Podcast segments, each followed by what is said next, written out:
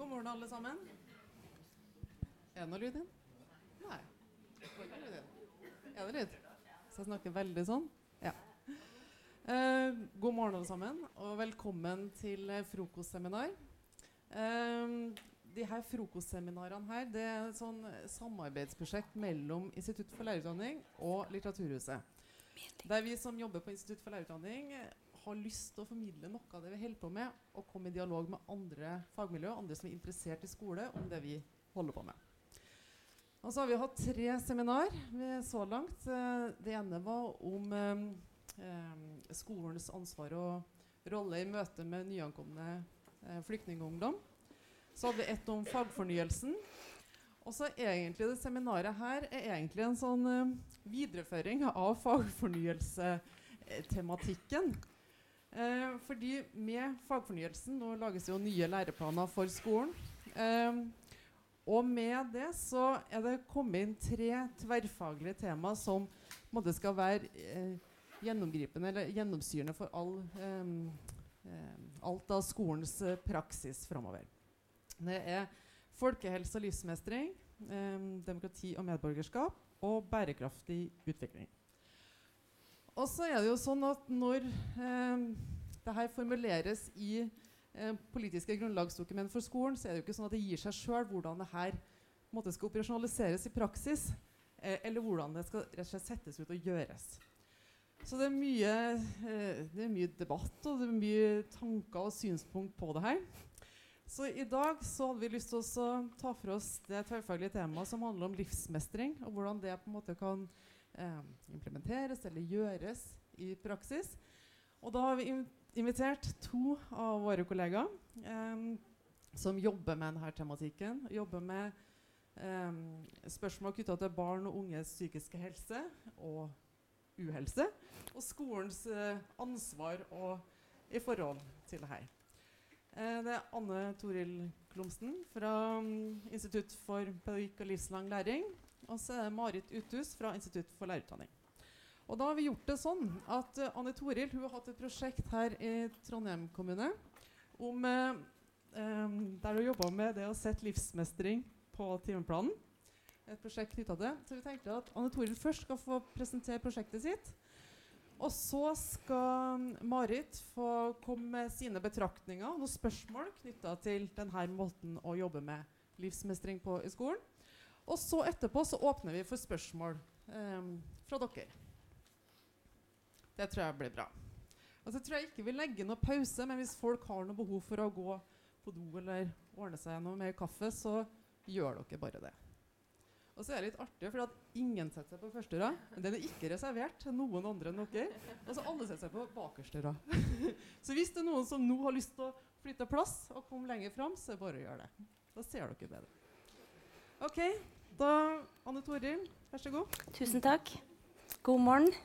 Og tusen takk for at dere er her. Jeg skal snakke om Trondheimsprosjektet. Der har vi satt livsmestring som eget fag på timeplan. Hvorvidt det er en god idé, det er vel ikke jeg opp, eh, den retten til å svare på. Og jeg er helt sikker på at dere har masse meninger om det her. Og det er ikke min hensikt å komme hit med et fasitsvar heller. Jeg har ikke det. Men kanskje så kan det som Marit og jeg diskuterer sammen med dere i dag, bidra til at dere får flere tanker og refleksjoner omkring denne tematikken. Hvis dere er interessert i denne forskningsrapporten, sender dere en e-post til meg, så skal jeg sende dere denne rapporten på PDF-fil. Denne, eh, det Trondheimsprosjektet her tar vi utgangspunkt i at uh, psykisk helse det handler ikke om at vi har en uh, fullkommen uh, helse både fysisk og psykisk. Vi tar utgangspunkt i at menneskene kan leve livet sitt et godt liv med de betingelsene som finnes for den enkelte. vi ser på psykisk helse som at den enkelte tar, ser på seg sjøl og sitt eget potensial. Hva hun eller han kan bidra med. Det handler om å håndtere utfordringer som en møter på livsreisa si. Det som er den normale stressutfordringa som vi kan forvente oss å møte. Og det å kunne bidra til samfunnet og utgjøre en forskjell for de folkene som vi er sammen med. Og I denne definisjonen så ligger jo mestring som et sentralt begrep. Det å håndtere noe det tenker jeg, det handler også om å mestre. Og Kunnskapsdepartementet legger jo denne definisjonen livsmestring til grunn når de snakker om denne livsmestring og folkehelse som skal inn i fagfornyelsen. Og det handler om at en skal kunne forstå og kunne påvirke de faktorene som har betydning for å mestre eget liv. Så gjennom det å ha, sette livsmestring på timeplanen så tenker man at elevene skal lære å håndtere både medgang og motgang i livet sitt. Og jeg bruker denne engelske begrepet 'well-being' som, eh, som, den definisjonen jeg forholder meg til. Men noen bruker 'life skills'. Det finnes ulike måter å definere det på. Bakgrunnen for Trondheimsprosjektet her tar vi litt utgangspunkt i det vi vet, det som tallene har vist gjennom flere år, at det har vært en stadig økning av unge mennesker med psykiske helseplager. Snakker ikke om diagnoser, men om helseplager som angst og depresjon. Og så ser dere på den tabben som er henta fra Ungdata. og Der viser tallene at det er en økning i helseplager når det gjelder det psykiske. Når fra elevene går i 8. klassen og når de slutter i videregående, så ser dere at tallene er høyest. En annen ting som vi har sett, er at det er betydelige kjønnsforskjeller. Våre. Jentene har i større grad gitt uttrykk for at de har subjektive helseplager sammenlignet med guttene. Men det nye som Bakken peker på, det er at vi nå ser en økning blant guttene og de senere årene. Jeg ber dere om å spesielt legge merke til den, den økninga som skjer fra 8. til 9. trinn her nå, fordi det har spesielt relevans for det som, eh, som eh, skjer i Trondheimsprosjektet. Og når unge mennesker opplever psykiske helseplager, så har det konsekvenser for livskvaliteten deres. Men ikke bare det. Det har også konsekvenser for motivasjon og læring i skolen. Og så mener Forskerne at dette skyldes ulike årsaker, men man tenker seg at det kan forklares både i livet og i skolelivet. Og så opplever de unge menneskene at de eh, blir stressa, at de opplever press, og så slår slår det seg utslag i symptomer som angst og depresjon. En annen tilnærming det er ikke bare med bakgrunn i økningen i psykiske helseplager at vi har lyst til å prøve ut det prosjektet med å sette psykisk helse eller livsmestring på timeplan. Det handler også om en forståelse av at det er fundamentalt viktig for mennesker å kunne tilegne seg kunnskap om tanker og følelser. Altså, og hvordan ikke minst det henger sammen med atferd. For det er så grunnleggende for oss alle sammen. Det er snakk om en form for livskunnskap dette faget kan tilby. Et fundament som unge mennesker kan bruke til å forstå seg sjøl. Og ikke bare det, det handler også om å forstå seg sjøl i forhold til andre og i forhold til omverdenen. Altså et individretta og et kollektivt perspektiv. Og det har vært et stadig økende fokus på helsefremmende arbeid i skolen. Og fra 2020 som Ingvild sa, så skal folkehelse og livsmestring inngå som tverrfaglig tematikk i alle fag der det er naturlig. Dette er ikke noe nytt i internasjonal sammenheng. For så har man i Irland i mange år, siden 2000, hatt et eget fag som ligner på det faget vi har tilbudt i Trondheim, eh, på timeplanen for elever i ungdomsskolen og i videregående. I tillegg har man i Irland jobba med det som tverrfaglig tematikk. Andre land som har kommet langt når det gjelder dette, hvis dere er interessert, er Australia, Canada og New Zealand. Og så er det viktig å understreke hvis at man skal kunne jobbe ordentlig og godt med helsefremmende arbeid, både fysisk og psykisk, hos barn og ungdom, så holder det selvfølgelig ikke med et eget fag på timeplan. Da vet vi, og forskninga viser, at det arbeidet som fungerer best, det er når alle partene jobber sammen, og vi jobber fra et tverrfaglig perspektiv. Så Det betyr at alle involverte parter må ta del i dette viktige arbeidet. Det handler om hele mennesket. Selvfølgelig gjør det det. Psykisk helse kan ikke ses isolert fra det som har med den fysiske helsa å gjøre, eller kosthold f.eks. Så dette handler om å se hele ungen og hele ungdommene. Og som jeg sa innledningsvis, dette er ikke ment som et fasitsvar på det som er det eneste saliggjørende. Her tror jeg at dette kan bidra og være en liten stemme inn i en større og en komplisert debatt som dere vil se etterpå. Og så At helse skal inngå i skolens undervisning, det slettes ikke noe nytt. Helt tilbake til 1997 så foreslo Verdens helseorganisasjon at helse bør få en mye tydeligere plass i skolens undervisning. Og allerede da så snakka de om at dette kunne være et separat fag. Eller det kunne være flerfaglig tilnærming. Eller man kunne tenke seg en kombinasjon av begge. Også det jeg har lyst til å snakke med dere om i dag, det er at vi da har prøvd ut det som et separat fag i Trondheimsskolen. Og I Trondheim så har vi da satt et eget fag på timeplanen for elever i ungdomsskolen. Vi har kalt det faget for Utdanning i psykisk helse, forkorta til UPS, som har stått på timeplanen til elevene. Det syntes de var litt spennende og litt rart når de skulle få dette faget. For de visste jo ikke hva det innebar. Hvem er som har hatt det? Jo, det er alle elevene på 9. trinn ved en stor ungdomsskole i Trondheim. De har hatt 60 minutter undervisning ukentlig i 25 uker. I skoleåret 2017-2018. Hva det vi har hatt fokus på i det faget? Det er litt avhengig av den som underviser. Men det som vi har putta inn i det faget, det har vært å snakke om hva er psykisk helse for noe. Og ha en normalisering av det begrepet. Og så har vi snakka om sjøloppfatning, om mestring, om det å være agent i eget liv, det å ta grep i forhold til det å være et offer og skylde på alle andre. Det er alle andre som er skylda for hvordan jeg har det. Vi har snakka om følelser, om forskjell på tanker og følelser. Vi har snakka om stress og angst og depresjon. Vi har snakka om eh, sosiale medier. Også I den perioden her så ble metoo veldig aktuelt. Det sto egentlig ikke på planen, men fordi at veldig mange elever og veldig mange foreldre ønska at vi skulle ta opp den tematikken, så ble det satt på, på undervisningsplan for ungdommene. Og så snakka vi til og med også om selvskading og selvmordstanker. Og vi hadde en god del fokus på verktøy. Dere ser at jeg satt det i hermetegn.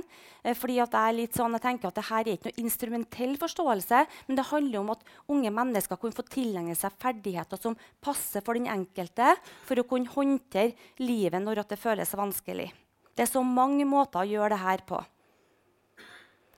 Hun som har undervist i faget, hun har bakgrunn som psykiatrisk sykepleier. og jeg tror nok at uh, Grunnen til valget på det innholdet som vi har valgt, det er litt avhengig av den som underviser, og hun eller hans kompetanse. Jeg kunne f.eks. ønska meg enda større fokus på biologiske perspektiver. Men det ble ikke gjort veldig mye i vårt fag, og vi så at tida går veldig fort òg. Og så, I tillegg til hun som underviste, så var alltid kontaktlærer til stede. Det ble gjort av flere grunner. For det første var det viktig for oss hvis det var noen elever som opplevde tematikken som sensitiv. Da kunne kontaktlærer følge etter eleven og følge opp vedkommende. Hvis man kunne avdekke at uh, eleven hadde det vanskelig, ja, så ble hun eller han henvist dit man skal, altså til skolehelsetjenesten. Et annet viktig element som var, uh, for å ha kontaktlærer til stede, det var jo nettopp fordi at lærer skulle tilegne seg kunnskap for å kunne implementere det i sin egen undervisning når det nå kommer på, som tema på, fra fagfornyelsen i 2020. Måten vi underviste på, det var å som regel og alltid begynne med et, musikk, uh, et musikklipp eller en videosnutt fra YouTube. som regel for å visualisere tematikken for ungdommene. Og så var det eh, mye diskusjoner i storgrupper, men mye mer i smågrupper. Det syntes elevene var OK. Vi gjorde ulike øvelser og aktiviteter. Og så er det viktig å understreke at dette handla om generell tilnærming til tematikken. Det var altså ikke og jeg understreker ikke noe ønske eller noe bevisst eh, tilnærming å ha noe terapifokus i de timene. Det handla ikke om det. Fordi ikke, her må man jo være bevisst på hvilken rolle man skal ha som lærer. Men det går an å snakke om denne type tematikk med ulik fagbakgrunn. Det spørs hvordan man gjør det. Eh, vi fikk jo spørsmål om men enn om det er noen som begynner å skrike i timene. Enn om det kommer noen tårer. Hun som underviste, har vært ute en vinterdag før og møtt veldig mange ungdommer og jobba med masse, masse utfordringer. Og både hun og jeg er ganske tydelige på at men tårer som eh, er synlige, dem er ikke vi redd. Da har vi muligheten til å kunne hjelpe vedkommende videre. Tårene vi ikke ser, de er kanskje enda mer skremmende. Denne undervisningsdelen den var obligatorisk for alle elevene. Forskningsdelen imidlertid, den var frivillig. Og her hadde vi ønske om å belyse hvordan elevene erfarer å ha et eget fag på timeplanen. Punkt nummer to, Vi ønsker å undersøke eventuelle effekter som dette faget kunne ha på ulike variabler knytta til psykisk helse. Altså som dere ser, Vi hadde et utprega elevfokus. Det var deres blikk som vi hadde lyst til å, å finne ut mer om. Og på hvilken måte gjorde vi det? Jo, I august 2017 deltok alle elevene som hadde samtykke, i en spørreundersøkelse. Og så var det sånn at I hele skoleåret 2017-2018 så foregikk den intervensjonen eller undervisninga i UPS-faget. Alle sammen var med. Og i mai, etter at undervisninga var ferdig, så gjennomførte vi samme type spørreundersøkelse. Og I tillegg så gjennomførte jeg 16 intervju Eh, i, som også ble gjort etter at denne undervisninga var gjennomført. Da. Og så kan man si mye om denne type, den, det pilotprosjektet. Men én ting vi kan si at det har mange svakheter. Det har f.eks. ingen kontrollskole. Det er en innlysende svakhet. Det er heller ikke tilfeldig hvem som var med, for det er et strategisk utvalg. Så her kunne man ha diskutert masse svakheter. Det skal ikke vi gjøre i dag. Men studien er også gjennomført i tråd med eh, etiske retningslinjer fra Norsk senter for datatjeneste. Og så På en skala fra, fra 1 til 10, hvor 1 er at elevene liker faget særdeles dårlig, til 10 elevene liker faget veldig, veldig godt. Hva tror dere svaret var? Hvordan tror dere elevene tok imot dette faget? Hvordan ville dere tatt imot det hvis dere var ungdommer? Og sånn er svaret. Det viser seg at dette faget er veldig godt tatt imot av ungdomsskoleelevene. 81% liker faget og scorer seks eller høyere. Og det som er litt, det er ikke overraskende synes ikke jeg, at jentene i så stor grad liker faget. Det som er overraskende og nesten litt gledelig, det er at guttene i så stor grad òg liker faget veldig godt. Og Særlig fordi at vi vet ifølge tallene at de i mye mindre grad gir uttrykk for å ha subjektive helseplager. Det at elevene liker å snakke om tanker og følelser i skolen, det er heller ikke noe nytt. Vi vet at de liker det. Og så vet vi også, ifølge en helt ny studie som publiseres nå i januar, at elever i videregående òg liker å få lov å snakke om denne type tematikk i skolen i, når jeg, jeg, gjorde intervjuene, så var det de her 16 elevene. Og så viste det seg at 15 av dem de skåra høyere enn 5 når jeg spurte dem. De, de fleste av dem var oppå 8, 9 og 10. Finnes ikke noe høyere, var det en som sa. Gjorde ikke det. Og så var det en som hadde en sterk firer. Så det er helt klart alle liker jo ikke faget like godt. Men i sum det er godt mottatt av elevene. Her er bare for å vise dere denne studien som, som, eh, hvor vi har undersøkt om elever i videregående ønsker å lære om følelser i skolen. Så ser dere tallene her òg. De er opptatt av å lære hvordan de kan slappe av i hodet sitt, i kroppen sin. Hvordan kan de håndtere livet når det føles vanskelig? Om stress og hvordan like seg sjøl som menneske. Så ser dere også her at mønsteret er lik enn som det var i ungdomsskolen. Det er flere jenter som gir uttrykk for at de ønsker å lære denne type tematikk i skolen. Hva sier niendeklassingene? Jo, de sier det at det å snakke om tanker og følelser, selv i det åpne samfunnet vi har, det er ganske tabubelagt. Derfor er det fint med et sånt fag, for det gjør det mer akseptabelt å kunne diskutere denne type tematikk. Og så er det mange som tenker med fokus på dette, det gjør at de begynner å selvdiagnostisere seg. Men det var veldig fint å høre elevene si etter undervisninga Vet du hva? Jeg har skjønt at jeg ikke er deprimert. Jeg, jeg er bare helt vanlig hverdagslei meg. Det er ganske kult. det. For det å være menneske det består faktisk av å ha dager hvor man er lei seg, sint, frustrert osv. Det handler om at de har lært hvordan de skal oppføre seg til andre. Kanskje skal ikke de slenge med leppa før de vet hva som foregår på innsida til et annet menneske. Og de har lært hvordan de skal takle ting som er vanskelig. Og ikke minst, vi har lært at vi skal, kan be om hjelp hvis vi har det vanskelig. Det er et viktig funn. Og så ser vi at Kunnskap om psykisk helse har økt etter UPS-faget. Elevene sier at de gjøre, vet, at, vet, hva de kan gjøre for å bli mindre stressa. De vet at de kan snu tankene sine hvis de har negative tanker. De vet hva de kan gjøre dersom de opplever press, og hvor de kan gå for å få hjelp hvis det er vanskelig. Å lære om psykisk helse i skolen det har en positiv effekt. Det vet vi òg. Og det har en positiv effekt allerede etter veldig kort tid med undervisning. Men det vi vet, er at når denne type undervisninger av de gode psykisk helseprogrammene som har vært mye prøvd ut i norsk skole, f.eks. VIP, så vet vi at effekten også avtar når vi slutter med denne undervisninga. Derfor er det så viktig at denne type undervisning må gjøres systematisk, grundig og over tid. Allerede helst i, i barnehagen, mener jeg, og fortsette helt ut videregående. Det er helt sikkert mye tanker om det her. Psykiske plager det har økt blant guttene etter UPS. Og da er jo det sånn at De sier at de føler eh, at alt er et slit, de er mer bekymra, føler seg mer stiv og anspent og større grad av ensomhet. Og Én tolkning er ja, det var det vi visste. Det å snakke om følelser og tanker, da blir man sykere. Det er en mulig tolkning. Jeg velger å forstå det annerledes, med lys i forskning. Fordi Hvis vi kikker på Ungdata, så ser vi jo den tabellen jeg sa til dere. Legg merke til tallene fra 7, nei, 8. til 9. klassen. Det er en økning både blant jenter og gutter i den aldersgruppa. Og jeg tenker at Det er ganske naivt å tro at undervisning i 25 uker det skal utgjøre en forskjell og klare å demme opp for den økninga som skjer i denne aldersgruppa.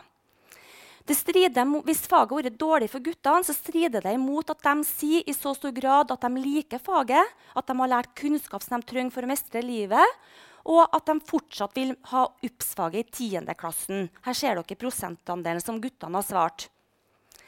Økning blant helseplager har vi også sett blant gutter de siste årene, sier Bakken.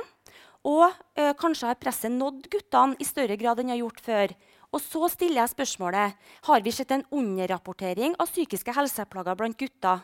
Jeg er usikker, jeg vet ikke. Men jeg tenker på, når vi kikker på tallene for dem som velger å avslutte eget liv, så er det over dobbelt så mange gutter som jenter som, som velger den utveien. Kanskje har guttene fått et økt, eh, økt, selvbevissthet. At de har fått et begrepsapparat til å kunne gi uttrykk for at de sliter eller at de plages og at vi dermed gir dem et rom for å snakke om denne tematikken. Og så sa de samtlige i intervju sa følgende det, også, det med tanker og følelser det er like viktig for jenter og gutter, men det er mer tabubelagt for gutter å snakke om det. For da er du svak. Det var interessant at sjøl i dag så får vi de samme uttalelsene som vi har hørt uh, i, tidligere.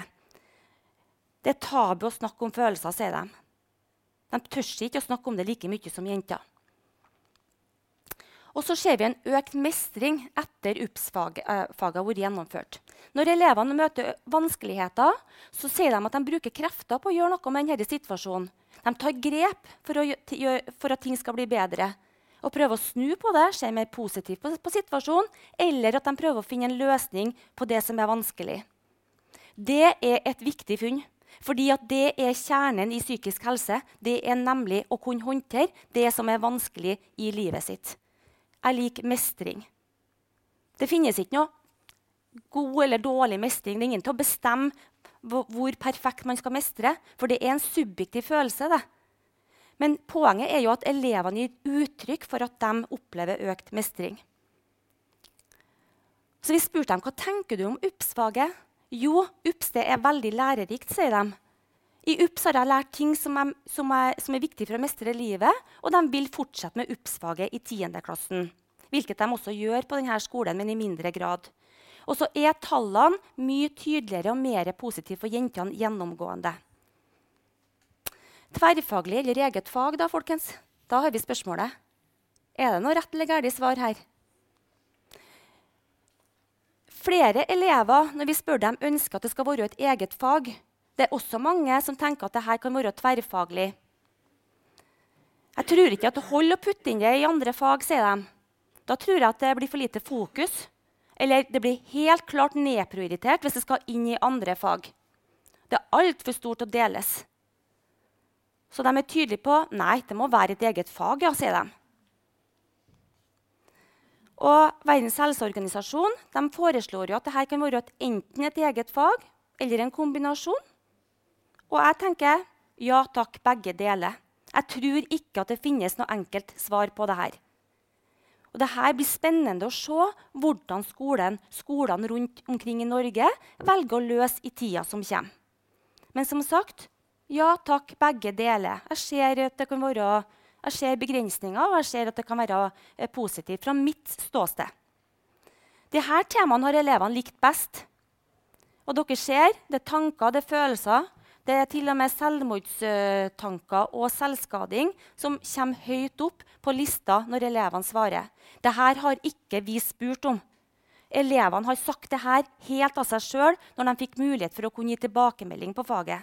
Og så er spørsmålet skal vi tørre å snakke om disse temaene med elever i ungdomsskolen. da? Jeg lar det henge. Men elevene sier at det kan være utfordrende. Men det er viktig å snakke om det, for det kan hjelpe flere enn det skader. Og så er det bedre å snakke om disse type temaer enn å gå rundt i bunnløs tristhet. Det er 15-åringer som sier det der. Bunnløs tristhet. Jeg visste ikke at de kunne sånne begreper. Dere. Det er godt sagt. vet du. De sier så mye klokt, de unge menneskene, når du begynner å snakke med dem.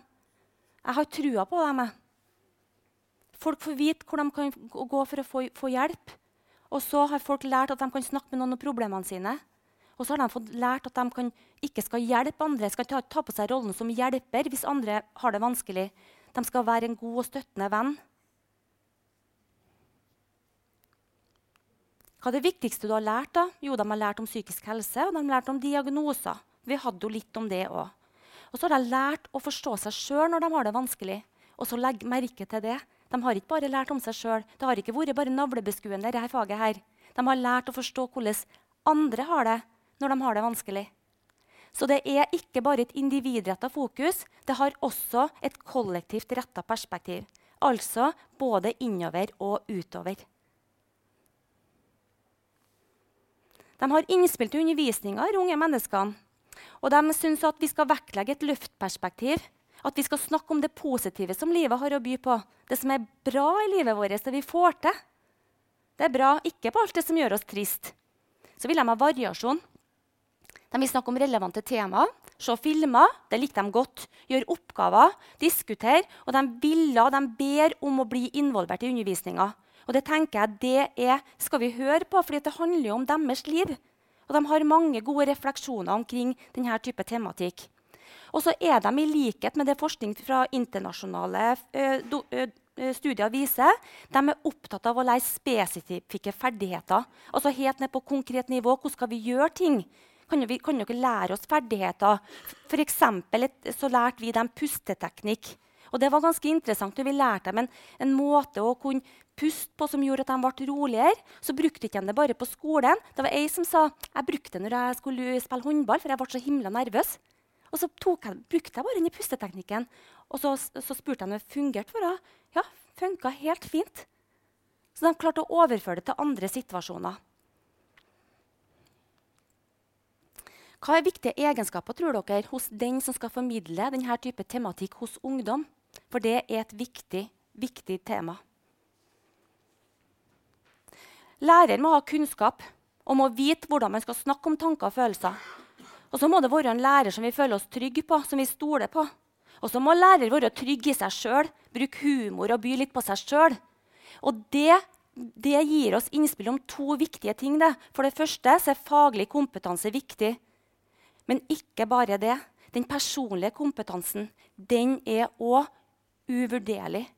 For skal du snakke med unge mennesker om denne type tematikk, ja, så fordrer det at du evner å kunne møte unge mennesker på en måte som gjør at de er trygge i situasjonen. For det kan være ganske utfordrende å snakke om det som skjer på innsida i skoletimer. Og så fører det oss over til viktige spørsmål. Jeg har ikke svaret på dette. Men hvordan skal lærere få økt kompetanse og kunnskap i denne type tematikk, noe som skal inn i, i fagfornyelsen? Hvordan skal lærerstudenter få økt kunnskap og kompetanse?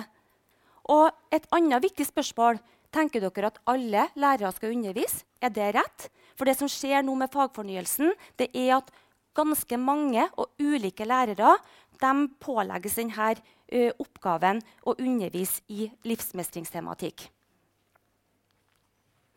Avslutter med at elevene, når de får lov å si åpent om hva de tenker om faget, så sier de herre så viktig det, for menneskeliv kan ikke regnes i penger. Anne Toril. Og hvis de menneskene ikke har det bra, hvem er vi da? Vi må ha det bra psykisk for å ha det bra i livet. Tusen takk.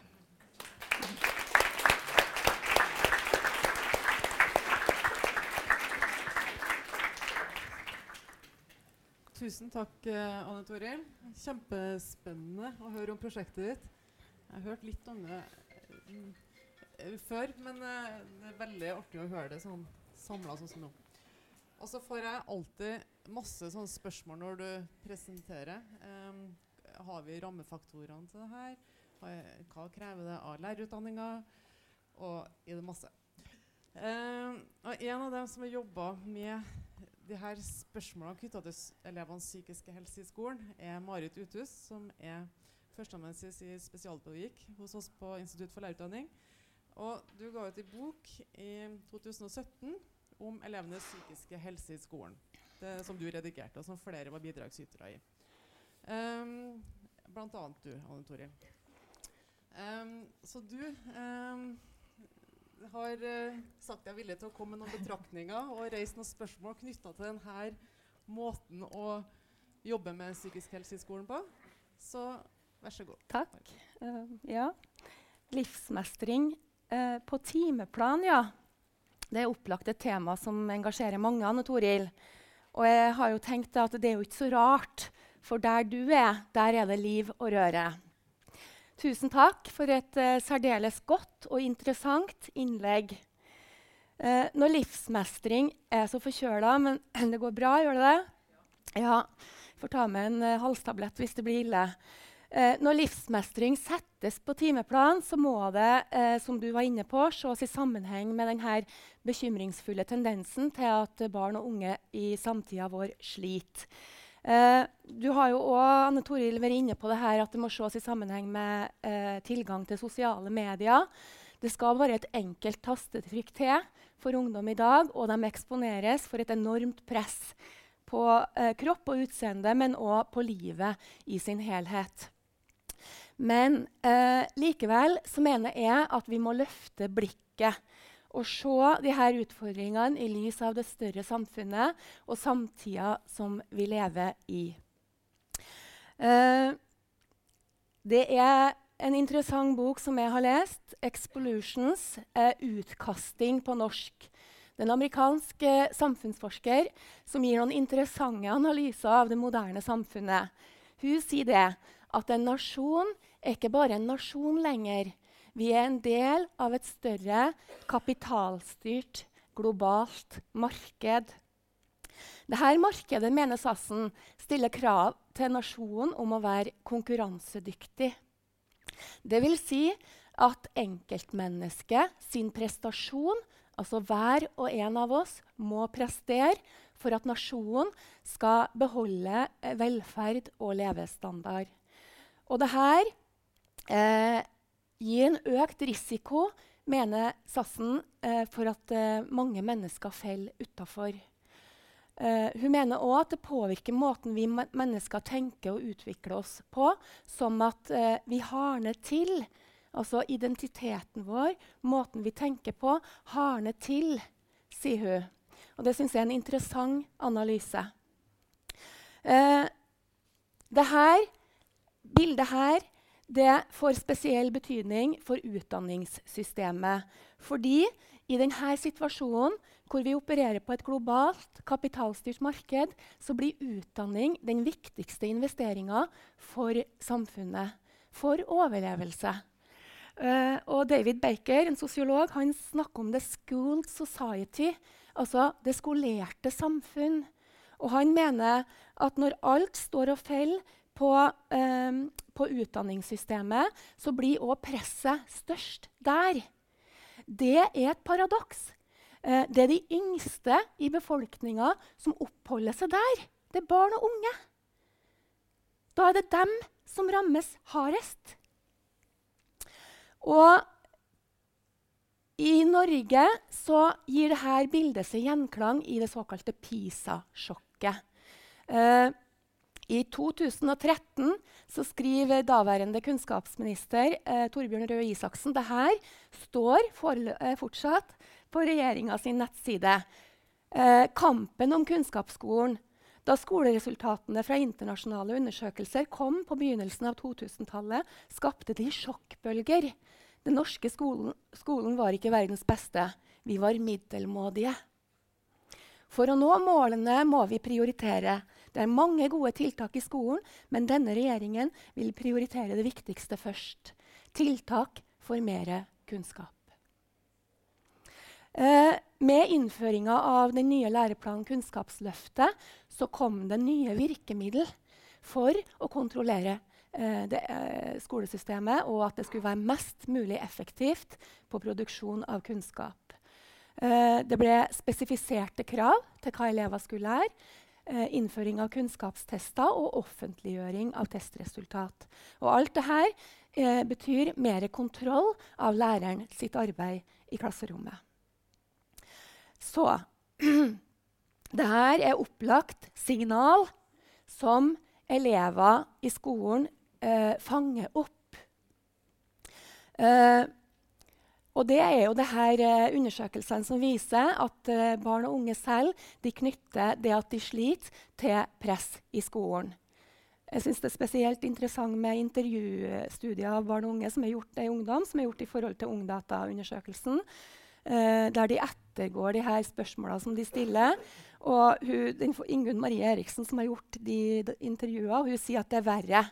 Det høres mye verre ut når du snakker med ungdommen, enn det Ungdata gir uttrykk for per tall. Så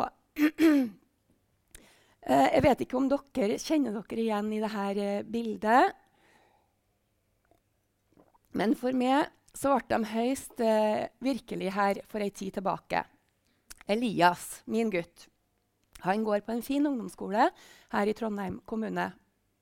Han skulle da begynne på ungdomsskolen, glad og fornøyd, for snart to år siden. Og jeg, så opptatt som jeg er av skole, så måtte jeg jo spørre han, hva tror du Elias, at du blir fornøyd med, med karakterer. Og så sier han ganske snart, da, uten betenkningstid, at jeg er veldig fornøyd med firere. Femmere det er over all forventning. Og seksere, vet du, mamma, det er bare for de spesielt interesserte.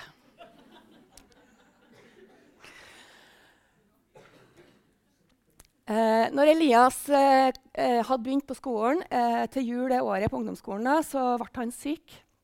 Eh, han fikk kyssesyka, viste seg etter lang tid. Eh, han var veldig dårlig. han hadde fravær på skolen sånn cirka fra påske det året og fram til sommer, sommeren. Og en kveld etter at han hadde sovna, eller jeg trodde han hadde sovna, skulle ta med en tablett, så eh, hører jeg at han roper på meg. 'Mamma, mamma!' uh, 'Kom.' Så går jeg inn til henne og ser at det triller store tårer nedover kinnet hans. Og så sier jeg, 'Hva er det, Elias?' 'Mamma, jeg er så redd.' 'Er du redd? Hva er du redd for?'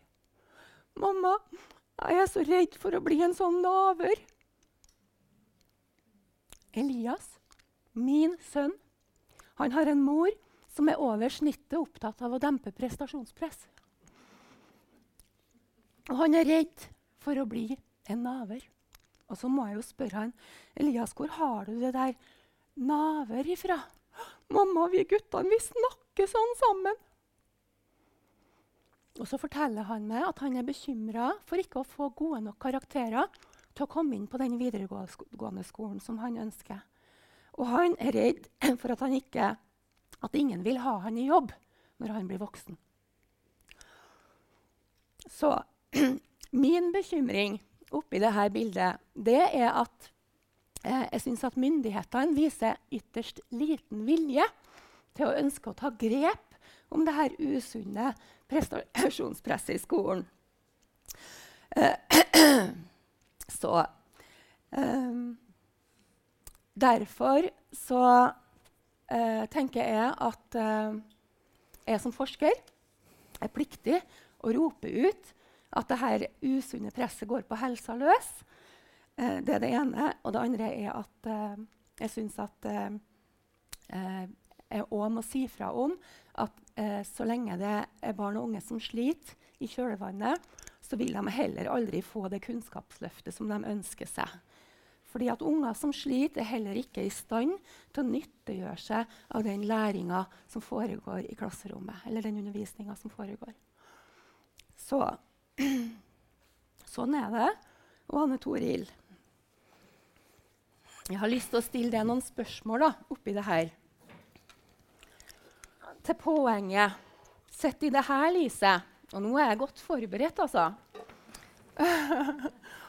er det en risiko Anne Toril, for at dette faget, livsmestring på timeplan, kommer til å tåkelegge myndighetene sitt ansvar hva angår en utdanningspolitikk som opplagt utgjør en helserisiko for kommende generasjoner.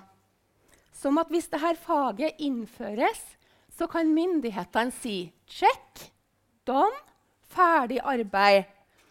Da har vi ivaretatt elevers psykiske helse i skolen. Og så vedvarer, eller i verste fall forsterkes det her presset. Hva tenker du om det? Ja, jeg tenker at du har rett. Jeg tenker at det er veldig uheldig hvis dette faget blir en utdanningspolitisk hvilepute. Sånn at dette usunne prestasjonspresset får lov å vedvare og så er det all grunn til å tro at nettopp skolepress er en viktig årsak til at unge mennesker sliter. Og så er det bekymringsfullt hvis at stadig flere barn og unge skal utvikle psykiske helseplager, og at dette paradoksalt nok står i veien for deres motivasjon og læring i skolen. Og så vet vi, som du peker på, Marit, at uh, mange ungdommer opplever press også på andre områder. Kropp, utseende, sosiale medier, relasjoner, ensomhet osv.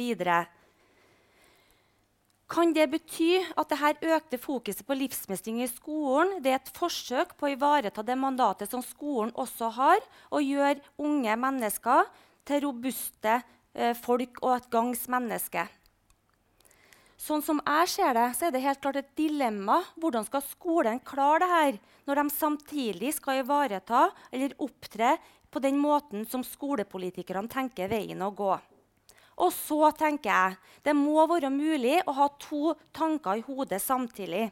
Så både altså systemnivå og individnivå er for meg ulike sider av samme sak. Kunnskap om tanker og følelser det er nødvendig livskunnskap, sånn som jeg ser det, som alle sammen kan dra nytte av, uavhengig av situasjonen.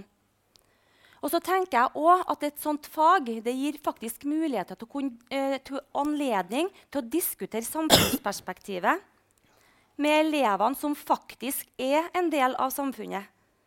Og hvis det skal skje endringer i samfunnsstrukturene, så tenker jo jeg at barn og ungdom og deres kunnskap og deres bevissthet og refleksjoner de er nettopp utgangspunktet til å, å kunne bidra til å gjøre endringer på sikt. Det er svaret mitt på det. Marit. Det var svaret, ja. OK. Mm. okay. Det her var interessant, Anne Toril. Uh, du utfordrer oss altså på å klare å ha flere tanker i hodet samtidig. Det syns jeg er et godt poeng. Uh, og Likevel så vil jeg dvele litt ved det her, uh, bekymringa mi for at uh, dette faget kan bli en utdanningspolitisk hvilepute. jeg syns dette bildet her det slo meg da, at jeg kan være en så god mamma som helst. Eller jeg syns at Elias har gode lærere. Eh, de har et godt blikk på elevene sine, og de vil det beste innenfor de rammene de har. Men de kan ikke ta de her bekymringene unna for Elias. Er dere med på poenget mitt? Uh, og det er som en elefant i rommet jeg tror det er det her prestasjonspresset i samtida og i skolen spesielt. Så vi må passe oss for å ikke se det. Altså, jeg tror vi må se nøye etter for å klare å se det etter hvert. Fordi vi har blitt så vant til det, og det er så stort og altomfattende. Uh, og da, da, lurer jeg på, Anne Toril uh, Vil ikke det bety at hvis vi setter inn et sånt fag, så overlater vi til ungdommen sjøl å skulle tåle eller håndtere det her presset, heller enn at vi tar ansvar på ungdommen sin vegne? og reduserer det. Er ikke det et paradoks i tilfelle? Ja. Jo, det er et stort paradoks, det. Men samtidig så tenker jeg at dette livsmestringsfaget det er uheldig hvis det oppfattes som et svar på de plagene som ungdommene får som et resultat av prestasjonspress i skolen. For uh, Utgangspunktet for faget er også å gi barn og ungdom et fundament av å være trygg i seg sjøl. En form for livskunnskap som de kan anvende for å forstå seg sjøl bedre, og for å forstå seg sjøl bedre i forhold til omgivelsene og den verden som de ferdes og navigerer i. Hvis det er foreldre her, eller kommende foreldre, hva tenker dere er den viktigste kunnskapen eller bagasjen vi har lyst til å gi ungene våre? Er ikke det kunnskap som gjør ungene rusta til å tåle livet? Så livsmestringsfaget tenker jeg kan ses uavhengig av tid og kontekst i en tilsynelatende perfekt verden, hvis den nå finnes, så vil menneskene ha nytte av å kunne lære seg kunnskap og ferdigheter som handler om å forstå seg i relasjon med andre. Ikke bare et individretta fokus, men også et kollektivt, utadretta fokus. Det handler om å bevisstgjøre unge mennesker på tema som angår å li leve livet på godt og på vondt.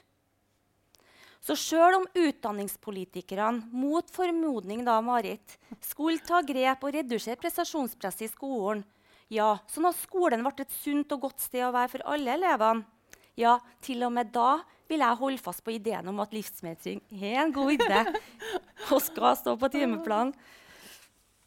Fint. Uh, og på et vis Anna Toril, så uh, forstår jeg det slik at du ønsker at vi òg skal slutte å omtale dette faget som uh, et svar på prestasjonspress og bekymring for barn og unges psykiske helse. Som at det er løsrevet fra tid og sted. Det, det, det er nytt for meg, mm. og jeg følger det på den.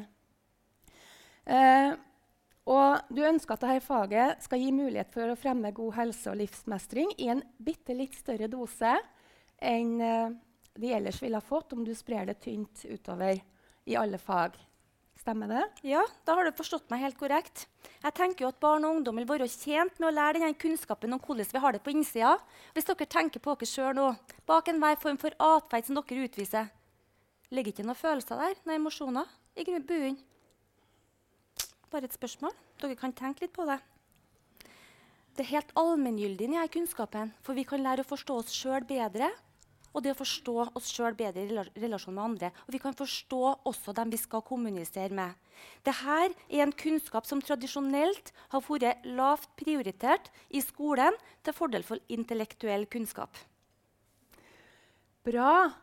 Eh, men vi vet jo at utdanningspolitikere ikke vil innføre dette som et obligatorisk fag på timeplan. Det de vil, er å innføre folkehelse og livsmestring som tverrfaglig tema.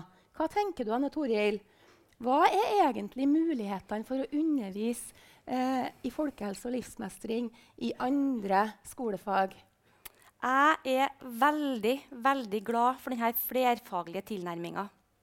Og jeg ser mange innlysende koblinger. Her finnes det bare muligheter, tenker jeg. F.eks. hvis dramaet om Per Gynt diskuteres i norskfaget. Det handler jo nettopp om eksistensielle spørsmål som hva er meninga med livet, og hvem er jeg, er min kjerne. Jeg kunne ha nevnt masse andre fag òg. Med utgangspunkt i det elevene sier i Trondheimsprosjektet, så har de et poeng tenker jeg, når de gir uttrykk for at de tror ikke det blir tid når de skal putte inn i andre fag. De tenker at det blir nedprioritert til fordel for andre fokus. Det blir rett og slett altfor lite tid satt av. Og Vår erfaring fra Trondheimsprosjektet er jo at selv 60 minutter er ganske lite når du skal gå i dybden på et visst tema. Tida går veldig fort. og Jeg har vært med i timene og vært type 15 år bakerst i klasserommet og tenkt at dette gikk fort. Og dette var veldig lærerikt. Så mm, tenker jeg også at det allerede er trengsel i fagene. Marit. Og sammen med andre tverrfaglige temaer som demokrati og medborgerskap og bærekraftig utvikling, så er jo spørsmålet om blir dette bare fine ord i fagfornyelsen. da? Og så tyder jo også foreløpige skisser på at livsmestring har fått relativt lite tydelig plass, sånn som det skrives per i dag. Mm. Jeg følger det. Uh, men en annen ting jeg har tenkt på, eh, og det er at folkehelse og livsmestring det er enormt store ord. Ja, nesten som at vi snakker om formålsparagrafen for norsk skole. Eh, den er jo følgende Elevene og lærlingene skal utvikle kunnskap, dugleik og holdninger for å kunne meistre livet sine og for å kunne delta i arbeid og fellesskap i samfunnet. Dette er nesten som å høre det definere psykisk helse. Så lurer jeg på Angår ikke slike store ord eh, det som barn og unge skal få ut av utdanninga si? Altså mer enn at de skal lære om det i skolen. Eh, altså bør folkehelse og livsmestring være det elevene får ut av utdanning, og ikke det som læreren setter på tema i undervisninga. Mm, om du skjønner hva jeg mener? Ja, jeg skjønner hva du mener. Og fra mitt synspunkt så står ikke de her måtene i kontrast til hverandre. De er utfyllende, tenker jeg. Igjen er det viktig å ha to tanker i hodet samtidig. På den ene sida skal skolen bidra til dugelige mennesker gjennom utdanning, sånn som du eh, skisserer, Marit. Og vi skal fortsette å utvikle gode læringsmiljø og legge vekt på elev-lærer-relasjon.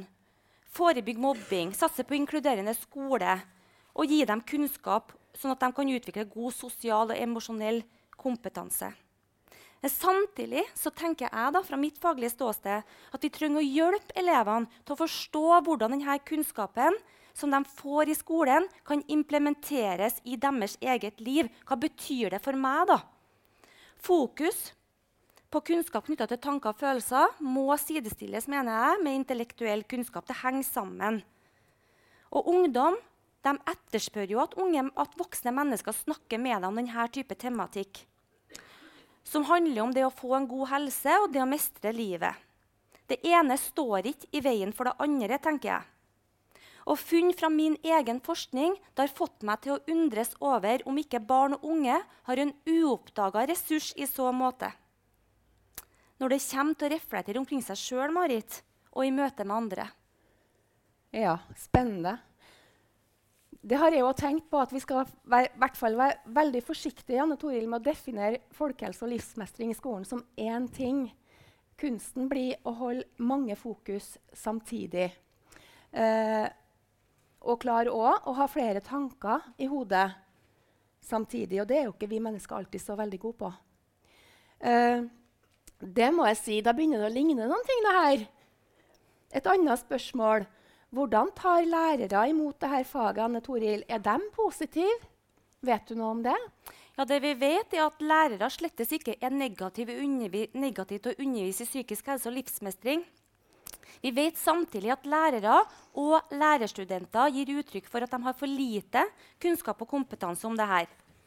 Og Utfordringa har vært mangel på tid og mangel på ressurser. Og videre så har det vært, eh, frem til i dag vært veldig avhengig av ledelsen ved den enkelte skole, og også om det finnes, fantes ildsjeler ved den, enkelte skole. Men nå når livsmestring systematiseres, så blir det jo lettere og enklere for lærere, og særlig dem som er spesielt interessert og engasjert, til å finne muligheter til å undervise i tematikken. Mm. For vi vet jo det at lærere er hardt belasta fra før.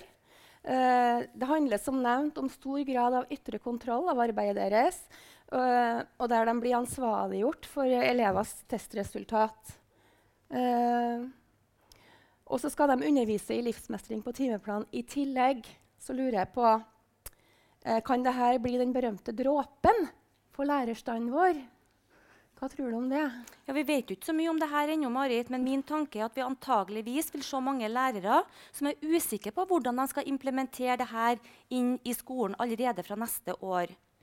Og når livsmestring blir et tverrfaglig fokus, så betyr det at mange og ulike lærere skal undervise i denne type tematikk. De pålegges jo det inn i fagene sine. Også lærere som kan tenkes å ikke være spesielt dedikert eller interessert i denne tematikken. Og mitt spørsmål er hvor klokt er det? Mm. Til slutt så har jeg enda en liten bekymring som jeg vil dele med deg. Eh, I et oppslag i Adresseavisa for litt tilbake så sto det at elevene ønsker eh, å lære om angst, depresjon, selvmordstanker og selvskading. Blir ikke dette vel dystert, Anne Toril? Ja, liksom nesten for navlebeskuende og selvsentrert. Vi lever jo tross alt i ei tid der store deler av befolkninga flykter fra hjemmene sine pga. krig og lidelse, undertrykkelse. Og klimakrisa kan jo noen av hver av oss eh, miste nattesøvnen av. Eh, hva tenker du? Er egentlig veien å gå innover? Eller burde ikke ungdommer heller rustes til å se litt mer ut? Eh, kanskje skulle det heller ha vært et fag på timeplan som heter med eh, demokrati og medborgerskap. Hva tenker du om det? Skal jeg svare nå? ja. Ja. ja, kanskje det. Men de her svarene med tematikken som du eh, nevner nå, Marit, den kommer jo fra elevene sjøl. Vi har jo ikke spurt om det her i spørreskjemaet. Det kommer fra dem som er eksperter på egne liv, altså ungdommen sjøl. Jeg har vært i dette prosjektet opptatt av elevstemmen. Og for meg er det vesentlig å ta ungdommen på alvor. Og som regel så vet mennesker, selv når de er ganske så unge, hvor skoen trykker. Men de må få hjelp til å forstå det.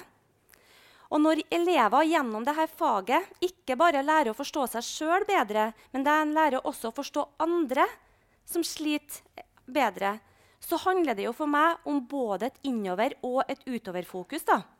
Å bli trygg innover, det vet vi. Det å være trygg på seg sjøl er en forutsetning de har for å kunne rette blikket utover og bry seg om andre. Men det klarer vi kanskje ikke før vi har tatt veien innover først.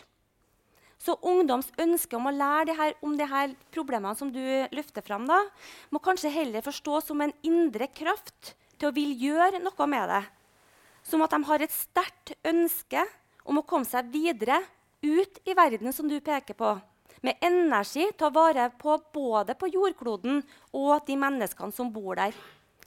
Og så er det viktig for meg å understreke da, når vi snakker om dette her, at det er ingen tvil om at sånt fag, eller uansett når livsmestringstematikken skal løftes inn i skolen som også flerfaglig tilnærming, så er det viktig å ha et løftfokus. Det at vi gir unge mennesker anledning til å kunne sette fokus på det som er bra med livet, det positive som livet har å by på, det vi klarer, og det vi får til. Takk, Anne Toril. Så eh, jeg tror du er inne på noe viktig. Å endre samfunnet det kommer opplagt til å ta lang tid. I mellomtida er det kanskje lurt å gi ungdom ressurser til å ta vare på seg sjøl og hverandre. Det tror jeg du har rett i. Eh, tilbake til Elias. Dere skjønner det at forrige uke hadde han arbeidspraksis. Han var en uke i jobb. Og han valgte å være på den barnehagen der han gikk når han var liten. Og Den første dagen så kom han hjem akkurat som han hadde vokst en centimeter. Han strakk seg, liksom. Og så sier han til meg mamma de voksne i barnehagen sier at jeg eh, har lag med unger. Eh, og så gikk uka, og så sier han at mamma eh, de er over meg og under meg hele dagen lang. Uh, og så får han enda mer bekreftelse på at uh, de er veldig glad for å ha han der. Uh, og han, de sier at han har et oppmerksomt blikk og er til stede. og så sier han det mamma, vi skulle leke gjemsel, men det ble ikke noe gjemsel, for alle ville gjemme seg der jeg sto. og så sier han det at mamma er invitert til tre bursdager. og når jeg, skal, når jeg, skal, gå hjem, så, så står de og stenger for grinda, så jeg kommer ikke hjem. Eh, så jeg måtte jo spørre Elias på slutten av uka du Elias, tror du at du kan tenke deg å jobbe i barnehage når du blir voksen. Og så sier han at det er litt mye snørr og tårer. Eh, men mamma, du vet jo det at jeg er bekymra for å få meg jobb, så jeg har en backup-plan. han Elias han måtte ut av skolen for å oppdage noen ressurser og muligheter som ga håp for framtida. Og Anne Toril, Eh, du overbeviser og veldig godt om at det er kanskje eh, en tid for å sette inn altså Uavhengig av tid og sted, egentlig. For å sette av tid til tema som ungdommen selv etterlyser, og som eh, de kjenner gir dem ressurser og muligheter og håp for framtida. For det er jo som du sier, at eh, det vi klarer å, å, styrke dem med av ressurser i dag, det er det de kan ta i bruk som gode voksne i morgen til å endre de her eh, usunne eh, prestasjonsstrukturene vi har i samfunnet, og spesielt i skolen. Og til slutt så vil jeg jo minne om det at eh, livsmestring på timeplan er ett av mange fokus. Og hvis det er noen utdanningspolitikere her i dag, så vil vi veldig gjerne ha dere med på laget. Takk for oss.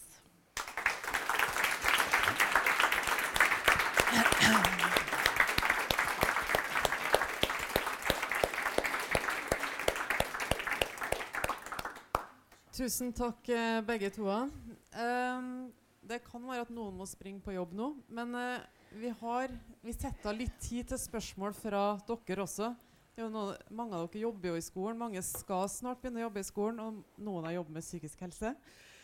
Um, og um, det er sånn at de her frokostseminarene de tas opp og legges ut som podkast, så er dere bare opplyst om det hvis dere vil si noe. Men det er ikke skummelt å si noe. Er det noen av dere som sitter med noen spørsmål, eller som har lyst til å komme med noen kommentarer på det de har hørt her i dag? Så da må vi også bruke mikrofon. Ja, det går sikkert bra. Trond Buland fra NTNU Samfunnsforskning. Eh, det du sa, oppsummert din sønns erfaringer. Brakt hele dette her midt inn i mitt arbeidsområde. Som i veldig stor grad de siste årene har vært karriereveiledning, karrierelæring i forståelsen av karriere som ikke å gjøre det stort i næringslivet, men som noe alle har, som handler om å mestre livet gjennom valg og arbeid og fritid. og i det hele tatt. Eh, og, det, og, det, og, det, er en kjempeviktig del av livsmestringa. Vi har intervjua eh, elever i 10. klasse som også har vært på gråten. Fordi det er 1000 muligheter der ute, og vi aner ikke hva vi skal bli, og jeg kan ingenting, og hva skal jeg gjøre? Mm. I forlengelse av det er spørsmålet er det plass til også sånne perspektiver innenfor ja. livsmestringsparaplyen. Eller blir det bare vare, det er veldig viktig, men blir det psykisk helse og bare psykisk helse? Mm. Eller er det plass til mer? Og så bare ta den, den siste. Jeg er personlig veldig skeptisk etter hvert til begrepet robust. Ja. Både i arbeidsliv og skole. Ja. Robust blir altfor ofte til få elever og arbeidstakere til å tåle alt. Uansett, han har sagt. Altså, det, det, er faktisk ikke skolens oppgave å få elever til å mestre hva som helst som blir kasta på dem. Mm. Verken i skolen eller etterpå. Mm. Mener jeg. Ja, bra. Ja, Den siste kommentaren eh, det er jeg helt enig i, det du sier. Um, den første du nevnte på, For meg så er det innlysende at denne type tematikk inngår inngå i faget. For meg så kan man putte personlig økonomi inn i faget. For meg så kan man putte det som man tenker tilhører det som handler om å mestre livet, også i et utvida perspektiv. Så svaret er ja, selvsagt. Ja, og jeg tenker også, også uh, jeg tenker at um, Når jeg drar rundt i Norge og møter folk så er jo landet vårt òg forskjellig. Skolene er forskjellige. Samfunnet er, er ulike. Kanskje har man behov for å løfte fram noe som er viktigere på, på dagsordenen oppe i Nord-Norge enn man har på Vestlandet eller i Trøndelag. Så jeg, jeg, ja, putt det som er hensiktsmessig inn i faget. Og jeg tror jo at vi skal kunne tro på dem som er sammen med elevene på den enkelte skole eller som jobber. De er eh, klokest til å kunne sette fokus på det. Vi har jo brukt, uh, brukt utdanningsvalg til dette faget. vi. Så det har jo også vært den type tematikk inni det. Mm. Det er min kommentar. Uh, min refleksjon og veldig fint innspill det er jo uh, det her helsebegrepet. Uh, Antonovskij kjenner dere kanskje som sier at det å ha god helse det innebærer at man kjenner en mening og en sammenheng. Og jeg tror at det tematikken som du løfter fram, er helt avgjørende for ungdom i dag for å begynne å, å se seg sjøl som en del eh, av, av et, et, større hele. Og hva, hva med meg eh, videre inn i den sammenhengen. Så jeg tenker at det er særs viktig. Mm. Mm. Takk. Ja, hei. Gitte Franksem, mobbeombud i Trøndelag. Um, på en måte så tenker jeg at uh, livsmestring på timeplan, eller i skolen med fokus kan erstatte noen av de uh, programmene som blir kjøpt inn kommersielt for å egentlig drive på med det samme som livsmestring handler om.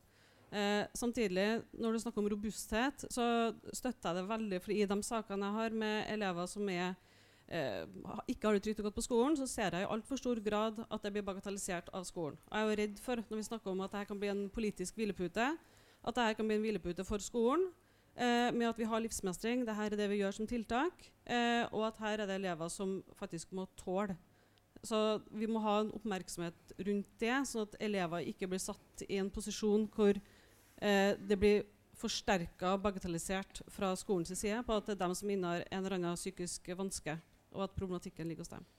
Takk. Jeg synes Det var et fint innspill. Det vi ser på den skolen hvor vi har gjennomført det prosjektet her, så har de et veldig helhetlig my, blitt mye mer bevisst på hele, hele utfordringa som ligger i det med, syk, med, med, med, å mestre livet. Så det skjer en økt uh, bevisstgjøring på flere plan, er min opplevelse, når vi ser på det arbeidet som gjøres av denne skolen. Uh, og så tenker jeg Den er jo ikke sterk, den som ikke er svak. Og det ligger jo i for meg, og det å være robust må få lov å være svak òg. Det å være menneske det innebærer jo alle fasetter. det alle valører. Så jeg følger dere veldig når man begynner å se på begrepet at uh, det kan være uheldig. Takk for innspillet. Hei, jeg heter Siri. Jeg jobber med psykisk helse og studerer pedagogikk og skal kanskje inn i skolen også. Tusen takk for et utrolig spennende start på dagen. Altså, jeg synes Dere var utrolig flinke begge to. og masse spennende tematikk. Jeg har masse refleksjoner rundt det her som jeg kommer til å ta med meg og diskutere med kollegaer og, og andre når jeg skal på studiet i morgen. Men sånn åpenbart så tenker i hvert fall jeg sånn som jeg ser på det, at vi må uh, litt støtte deg, at vi må gjøre flere ting. Jeg håper at det er flere og flere lærere som gjør opprør mot det eh, det systemet som er pålagt. Det har det jo vært mer tendenser å lærere som virkelig står frem og sier hva det her gjør med elevene, dette presset og de målingene og det som du sier. Så jeg håper at vi får et sånt læreropprør som virkelig eh, viser hva som foregår i skolen. Samtidig så tenker jeg det Eh, å ha dette her på tema helt fra barnehage eh, eh, tenker jeg er utrolig viktig. Når det gjelder forskning i forhold til psykisk helse, så vet vi jo f.eks. at barn som lærer å kjenne på egne grenser helt fra de er små, har lettere for å si fra om overgrep for eksempel, og vold. Så jeg, jeg sjøl har hatt barn i barnehage hvor det har vært fokus på, på dette med sette egne grenser, eh, det å ha lov å si nei, og det å ha dette som et fokus helt fra barnehage opp igjennom, tenker jeg er kjempeviktig. Eh, for å ha noe språk å kunne eh, formidle ting som, som ikke er OK. Eh, og, og, jeg tenker også som jobber med psykisk helse, det er helt åpenbart at vi må se det her i sammenheng også med den store selvmordsstatistikken vi har, som jeg syns er utrolig underkommunisert eh, del av samfunnet. Det skjer, det skjer hver dag. Eh, unge som tar sitt eget liv. Eh, og jeg tenker det at eh, Språk er kjempeviktig. Og kanskje er det flere enn meg som følger Helse Sist på Snapchat. i hvert fall så vil jeg oppfordre til å gjøre det hvis man er interessert i tematikken. For når man ser der eh, hva de unge deler, så er det åpenbart at her er det et kjempestort behov for å dele eh, tanker og følelser eh, rundt det de opplever i hverdagen. Og veldig veldig mye går på sosiale medier. Og så er det jo det at eh, Elias er kjempeheldig som har det som mamma, mm. eh, som kan romme og som er interessert. Men det er jo ikke alle barn som har foreldre eh, hvor det er rom for å gråte og kunne, kunne få støtte på hjemmebane. Så det å, å kunne ha arenaer og lære om det, eh, tenker jeg er helt kjempeviktig. Så jeg tenker ja til alt. ja til læreropprør. At vi skal være kjempeoppmerksom på det. At det skal ikke individualiseres, og at alle skal tåle samfunnsstrukturer som er feil. Samtidig som vi tenker at vi kan jobbe med å kunne uttrykke tanker og følelser. Ja, takk. Jeg må jo si at jeg spurte Elias nok en gang i, i dag tidlig da, om jeg fikk lov å fortelle det her til dere. da. Nå kommer det på podkast òg, så Eh, så sier han eh, ja, greit, det skjønner mamma. Ja, for det er jo ganske godt sagt, Elias. Har, det er jo ganske godt sagt, det du sier, vet du. Ja, det vet hun, det.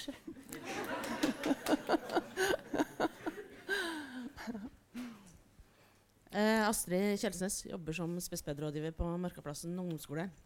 Eh, og jeg, jeg synes at Mye av de temaene dere tar opp, er veldig fine. Og særlig det med det kollektive ansvaret vi har som samfunn.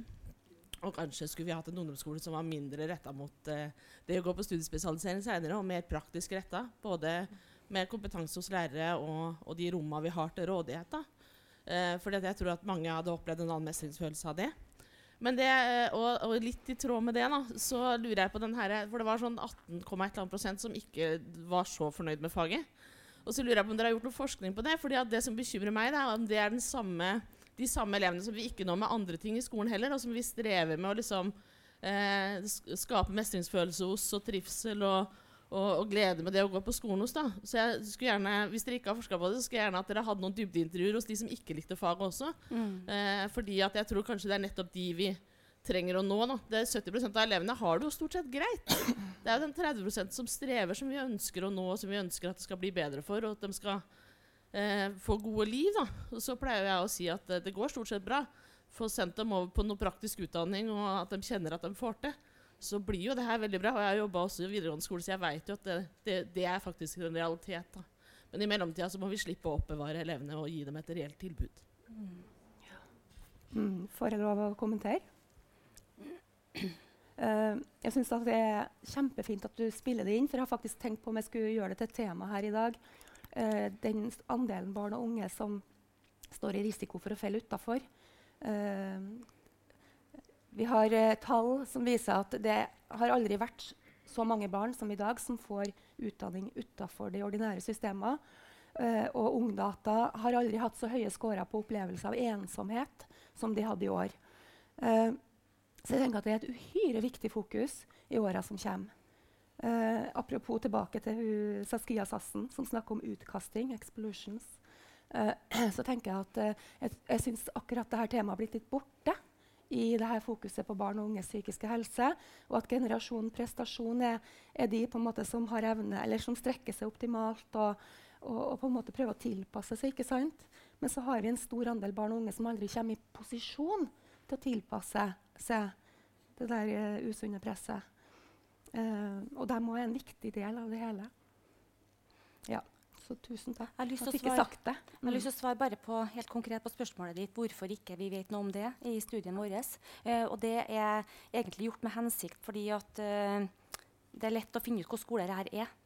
Uh, og alt er ivaretatt når det gjelder forskningsetiske og i forhold til publisitet. og sånn, Men da har jeg med hensikt også holdt dataene ganske oppå et nivå som, hvor vi ikke uh, setter noen i fare for å bli gjenkjent. Så det er hensikt, min hensikt at det er gjort på dette prosjektet. Da. Men jeg følger det. Ja. Hvis det ikke er noen flere spørsmål, så tror jeg bare vil Ja? Det kan bli interessant hvis man da gjør videre studier på, hvis man da gjør eh, videre studier på flere skoler. La oss si fire skoler, da så er det såpass mange at da er kanskje risikoen for at man blir gjenkjent, mindre. Ja. Mm. Så kan man adressere det veldig viktige spørsmålet som du kom med. Så, så kan mm. man tilpasse opplegget sånn at mm.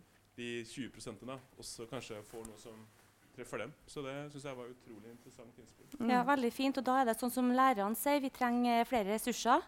Og det gjør vi som forskere. Vi trenger flere ressurser til å sette i gang flere prosjekter. Så vi jobber med saken. ja. Så nå skal vi sette i gang flere prosjekter på flere skoler, så veldig mange i landet er kjempeinteressert, også på videregående nivå. Da, mm. da tror jeg Hvis det ikke var flere spørsmål da, så tror jeg vi vil si tusen takk til dere, Anne Toril og Marit, for eh, presentasjonen og for spørsmålene og for samtalen. Og tusen takk til dere som kom den morgenen her. Eh, ja. Eh, kjempefint at så mange er interessert i å komme på disse seminarene. Eh, dere må bare ha en fin dag videre. Og så er neste seminar fra oss det er 2. april. Og da skal det handle om det eh, periodiske system og kvinner som på en måte har vært med som har stått bak store deler av periodiske system, men som ikke har vært nevnt. så det er et helt annet tema, men uh, veldig interessant, det også. Ha en fin dag videre.